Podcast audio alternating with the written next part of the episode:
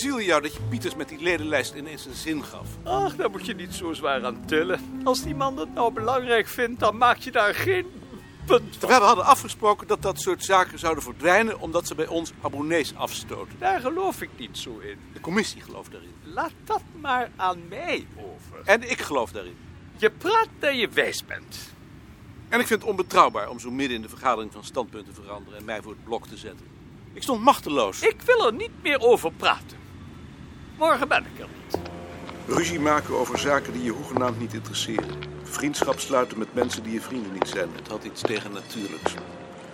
Hij zag zichzelf daartussen met een gezicht strak van nervositeit. Ogen die niets zagen, oren die niets hoorden, als in een koortsaanval. En hij dacht met een gevoel van bedreigdheid aan het voorstel van Pieters om hem te tutoyeren. Op weg naar zijn schuilplaats voor de nacht ontspande hij enigszins. Maar het was een ontspanning zonder belofte van vreugde.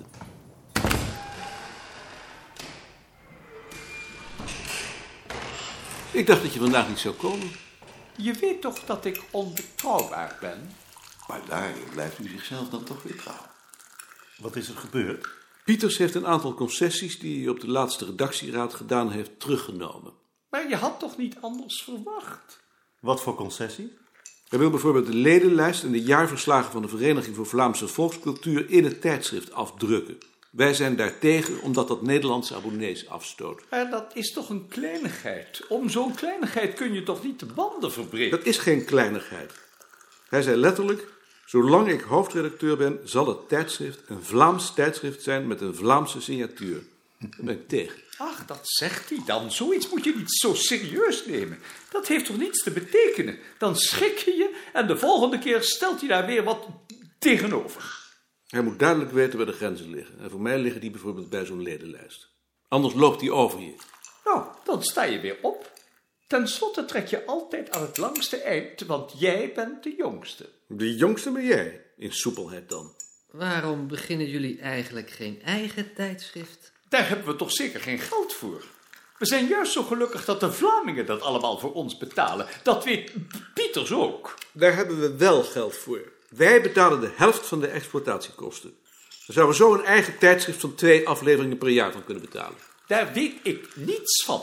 Dat is anders al zo lang als ik hier ben. Nou, dan doen jullie dat toch? Dan zouden we dat eerst met Balk moeten overleggen. Nou, ik denk er niet over. Ik ook niet. Maar als Pieter zo doorgaat, stap ik er wel uit. Dat zou ik nog maar niet doen. Dat mag je niet eens. Daarvoor moet je toestemming van de c- c- commissie hebben. Ik woon in de Bijlmer, hè. Maar daar heb je van die mensen bij. Die rijden van de parkeerplaats gewoon dwars door de beplanting tot voor de ingang van hun flat. Alleen om die 50 meter niet te hoeven lopen. Oh ja, die heb je. En geen invalide of oude vandaag, hè. want dat zou je nog enigszins kunnen begrijpen. Nee, gewone mensen. Rotzakken. Het zou prachtig zijn als iedereen dood was. Half ingestorte flats, lindenbomen uit het puin. Uilen in de liftschachten. Hoe gaat het nou eigenlijk met je radio? Goed, maar nou is er weer wat met mijn grammofoon. Zo is er altijd wat. Niets is volmaakt. Wat is er dan met je grammofoon? Mijn grammofoon fluit zachtjes als hij uitstaat. Dat lijkt me inderdaad niet helemaal in orde. En hebt u de versterker dan uitstaan? Versterker en alles uit. Hoe kan dat nou? Tja. Het doet mij denken aan de radio van mijn zware. Die woont in IJsselstein, vlak bij de zendmasten. En daar komt muziek uit. Dat eh, verbaast me niet. Maar ook als hij uitstaat.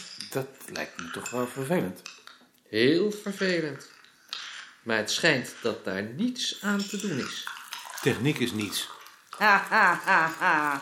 Dat dacht ik wel, dat dat komen zou. Minder dan niets. Je kunt er een hoop glazen mee hebben. Tot dinsdag. Tot dinsdag. Prettige paasdagen. Treppige taaswagen. Dag Frans. Dag. Ik heb een fles Beaujolais meegebracht. Lekker? Ja, ik dacht, dat hoort eigenlijk met Pasen. Ja, lekker. Ik heb hem al gechambreerd. En helemaal over asfalt hier naartoe gereden. Meesterlijk. Oh ja, even Jonas begroeten natuurlijk. Marietje dan maar niet dit keer. Ach, omdat hij bij mij op schoot zit. Ja, is dat gek? Nee hoor. Hoe heb je dan gereden? Eerst de Van Wouwstraat, de Weteringschans, de Marnixstraat en de Westerstraat. Maar dan heb je aan het begin en het eind toch een stukje klinkers? Ja, Afgestapt en gelopen. nee, zover ben ik niet gegaan. Had dat gemoeten? Voor mij niet. Nee, dat dacht ik toch ook niet. Zullen we niet eerst nog maar een kop thee drinken? Ja, graag.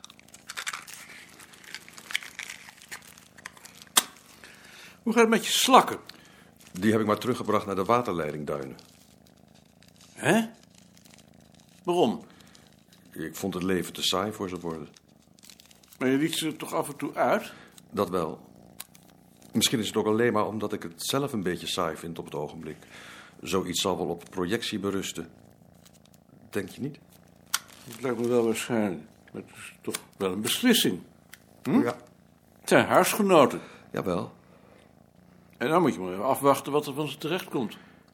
Ik ben al een keer wezen kijken, maar ik kon ze niet meer vinden. Frans heeft zijn slakken teruggebracht naar de waterleidingduinen. Oh ja? Waarom? Omdat hij het te saai voor ze vond. Ja? Ja, misschien was het wel niet goed. Als je dat nou beter vond, Ja, eigenlijk wel. nou dan. Ja, zo zie ik het ook maar.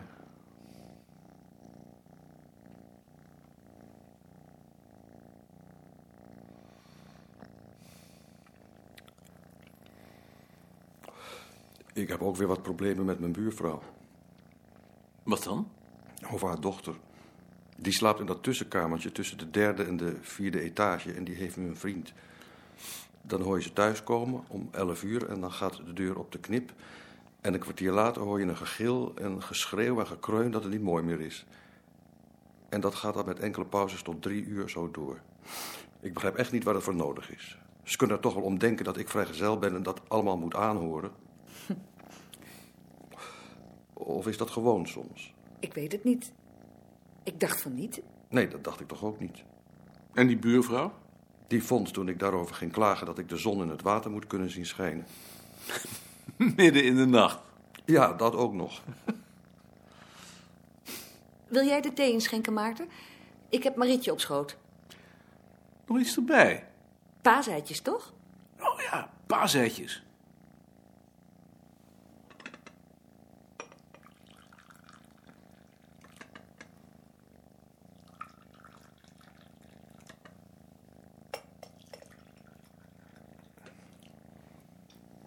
Ik moet misschien weer naar Helsinki, naar een volksverhaalcongres.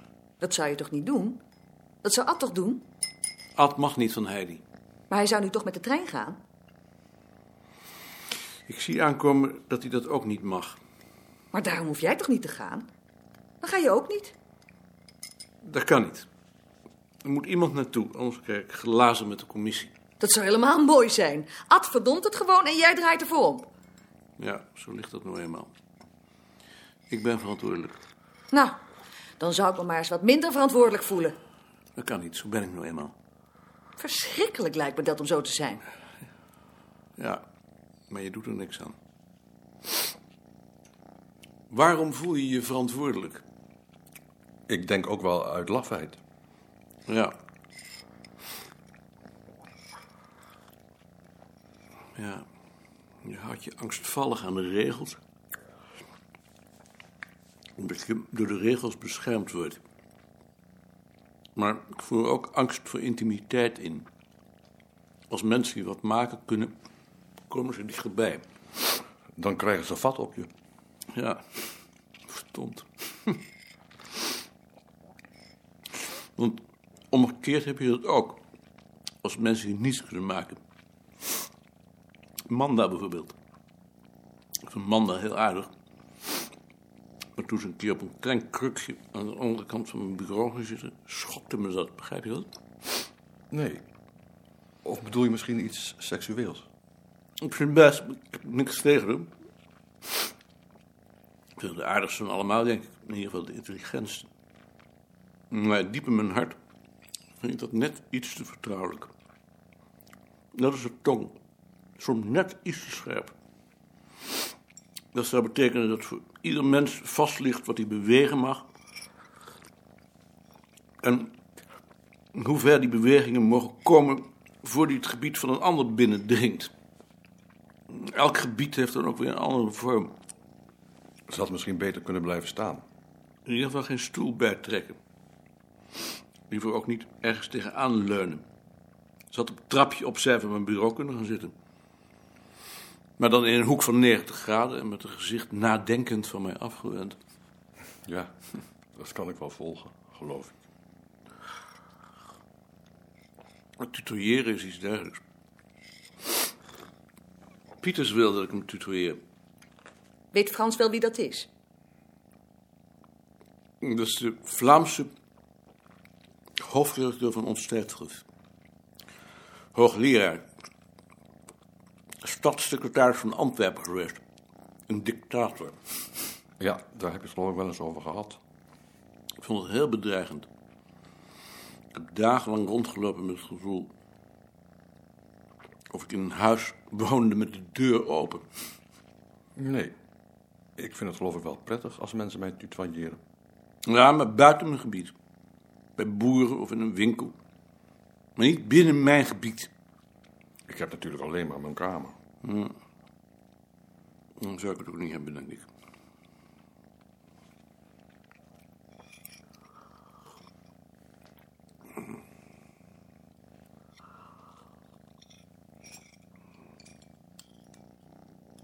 Hoe gaat het eigenlijk met jullie rupsen? Ik ben bang dat dat niet goed gaat. Er is schimmel opgekomen. Dat hoofd dat er eerst lag, zie ik nu niet meer. Dat zal wel verschimmeld zijn. Nee, het ziet er niet zo goed uit. Wij vragen ons nog altijd af wat er toen van die vijfde rups geworden is. Die plotseling verdwenen was. Je kunt de gedachte toch moeilijk verdragen dat ze die met z'n vieren opgegeten hebben. Onder mensen heb je ook cannibalisme. Maar dit was een vriend. Dat is waar. Vrienden hoor je niet op te eten natuurlijk. Dan zou het eind zoek zijn. Ja, daar kunnen we maar beter niet aan denken.